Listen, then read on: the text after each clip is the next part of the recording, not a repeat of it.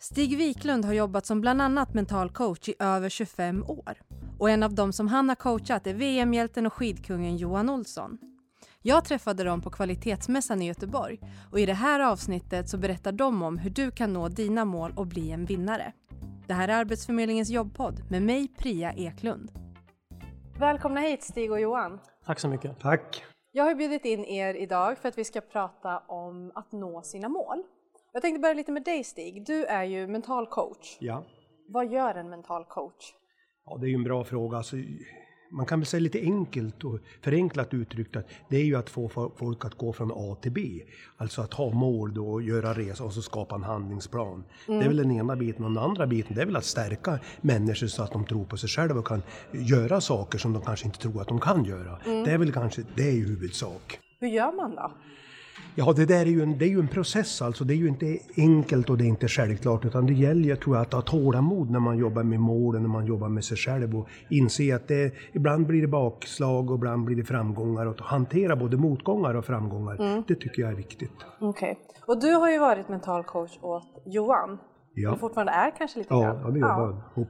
Du är ju jätteduktig på skidor. alltså verkligen jätte, jätteduktig. Men i den här processen, jag tänker man har å- åkt skidor på den nivån som du har gjort och då stöter man ju på motgångar. Hur har du gjort för att liksom ta dig vidare? Ehm, Jag skulle säga att eh, det viktigaste när man har motgångar och när eh, man känner att man är liksom ur flowet. För, för flow det är ju någonting som är egentligen som man inte skapar. Flow är någonting som man bara är i när allting funkar. Men man är ur flowet så att man tycker jag att det är viktigt att man liksom utvärderar, alltså man skriver då vad man tyckte, vad man gjorde bra, vad kan jag göra bättre, hur ska jag göra det bättre till nästa gång? Och just den här frågan att hur ska jag göra det bättre till nästa gång? Det är ju det som skapar en handlingsplan för hur man ska göra det bättre nästa gång. Och just den här handlingsplanen är det viktigt att man fokuserar på handlingsplanen och skapar liksom positiva vibbar kring den. Handlingsplan, fokusera på positivt istället för att liksom fokusera på att hela tiden stöter på problem. Så att man riktar om fokus om man känner att det börjar gå tungt. Egentligen det tycker jag är det bästa man kan göra. Men ni båda två nämner ju handlingsplaner och det är liksom, jag tänker i alla situationer oavsett om man åker skidor på elitnivå eller kanske söker arbete, att man då tänker handlingsplan och vad kan jag göra bättre? Det är det som är liksom grunden till det hela, antar jag. Ja, jag tycker ju att har man ett mål utan en handlingsplan så är ju det liksom, det är ju en resa utan en väg på något sätt. Att eh, just den här handlingsplanen är ju, och för mig har det varit extremt viktigt att jag har handlingsplanen för att veta vad jag ska göra. Jag sätter upp ett mål till exempel att jag vill ta VM-guld eller jag vill ta OS-guld. Så har det varit ett väldigt långsiktigt mål. Men sen har jag också haft mer kortsiktiga mål, kanske på en vecka eller två veckor eller kanske bara idag som har handlat om ett mål eller en timme framöver. Och då, det, de här kortsiktiga målen har ju varit det som har hjälpt mig fram till att nå det långsiktiga målet. Och de målen har varit i din handlingsplan? Och eller? de målen har, liksom, de målen har jag liksom utvärderat men också liksom skapat en handlingsplan för att det här behöver jag klara av. Och jag behöver klara av de här målen fram till det där långsiktiga målet. Att man hela tiden bryter ner saker och gör det, tycker jag för mig, att man gör det lite mer lätt att förstå om det inte är så på så himla lång sikt. Och sen att man har den där handlingsplanen. Att vad behöver jag göra för att vilka, vilka, liksom, vilka beslut behöver jag ta för att jag ska kunna klara av det här målet? Att man hela tiden tränar sig i att, att göra handlingsplan och, och försöka nå sitt mål. Har du någonting du vill tillägga kring just det Nej, jag, jag delar ju Johans uppfattning. Vi har ju jobbat lag väldigt många år kring det. Sen tror jag också det att vi- vi människor är lite olika. Alltså det som passar för Johan kanske inte passar för någon annan.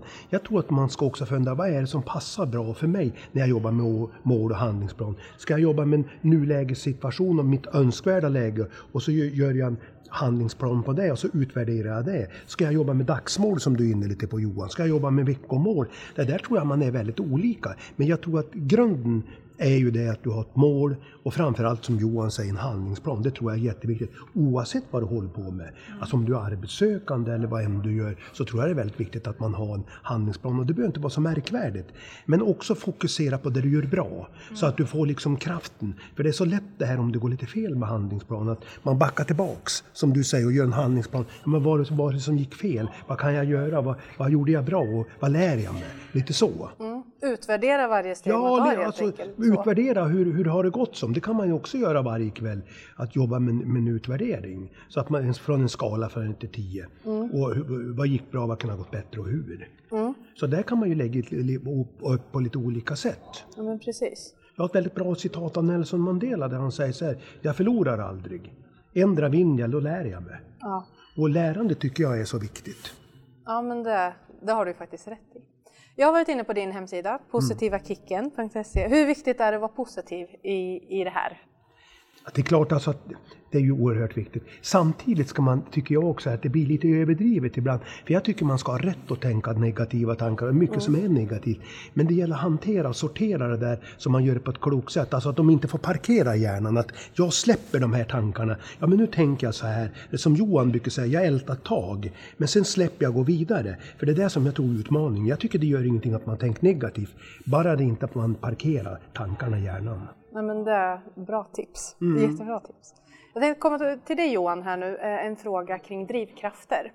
Vad har, vad har varit dina drivkrafter hela den här tiden? För att, ja men jag vill ta VM-guld. Ja men det är lätt att tänka, men ska man ju ta det också. Man ska ju nå dit. Jag tänker att många, ja men säg att man åkte skidor 14-15 års åldern, bara ska ta VM-guld och sen så, nej, så slutar man när man är 16 och liksom kör någon annan karriär. Vad har varit dina drivkrafter för att faktiskt nå det här målet som du hade satt?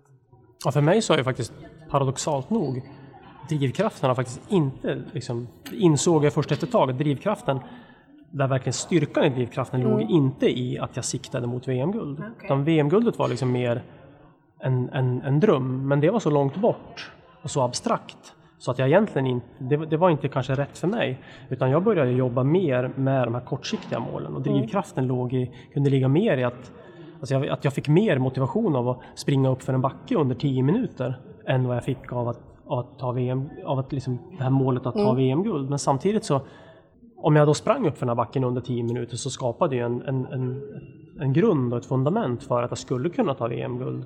Så att jag lärde mig mer att liksom sätta mera mål i i prestationen så att säga, i det här dagliga. Mm. Vad gör jag för någonting och vad ska jag klara av rent liksom, praktiskt, rent konkret vad ska jag klara av för att nå dit, mm. där framme, där, där, där drömmen är. Ja, det låter ju ändå liksom som att fokusera på de små målen så mm. kommer du nå det stora till slut. Precis, så. precis så tycker jag att det är och då är man också den här vikten av att vara här och nu och vara i dagen och, och göra liksom varje dag och då, då upplevde jag till slut i min karriär att att faktiskt att 365 dagar per år vart mer mödan värd än att den här liksom mödan var värd en gång vartannat år när jag tog VM-guld eller en gång vart fjärde år när vi tog guld i, i OS så var liksom varje dag att vara här och nu i det man gör och i, i, sina mål och vad man jobbar med och försöka förbättra det man gör. Att det blev liksom mer processen och det var det jag tyckte var så mm. skoj. Är det någonting ni vill lägga till innan vi avrundar? Liksom något sista råd på vägen, något sista tänk på det här? Ja, men tänk kanske tycker jag då, om ni är arbetssökande, det är ju en tuff period. Alltså tänk på att skriva, alltså fokusera på vad du gör bra, smått som stort. Och det tror jag är ett väldigt viktigt råd. Mm. Har du någonting du vill tillägga? Eh, nej, jag tycker Stig sammanfattar det där bra tycker jag. Ja, med, med den sammanfattningen så tackar jag för att ni ville vara med. Tack själv. Tack. Tack. Du har lyssnat på Arbetsförmedlingens jobbpodd med den mentala coachen Stig Wiklund och skidkungen Johan Olsson och med mig, Priya Eklund. Inspelningsansvarig var Mikael Johansson. Nästa vecka kan du lyssna på årets sista poddavsnitt. Då kommer föreläsaren Navid Modiri dela med sig av sina tankar kring bland annat utbrändhet och kreativitet. Missa inte det.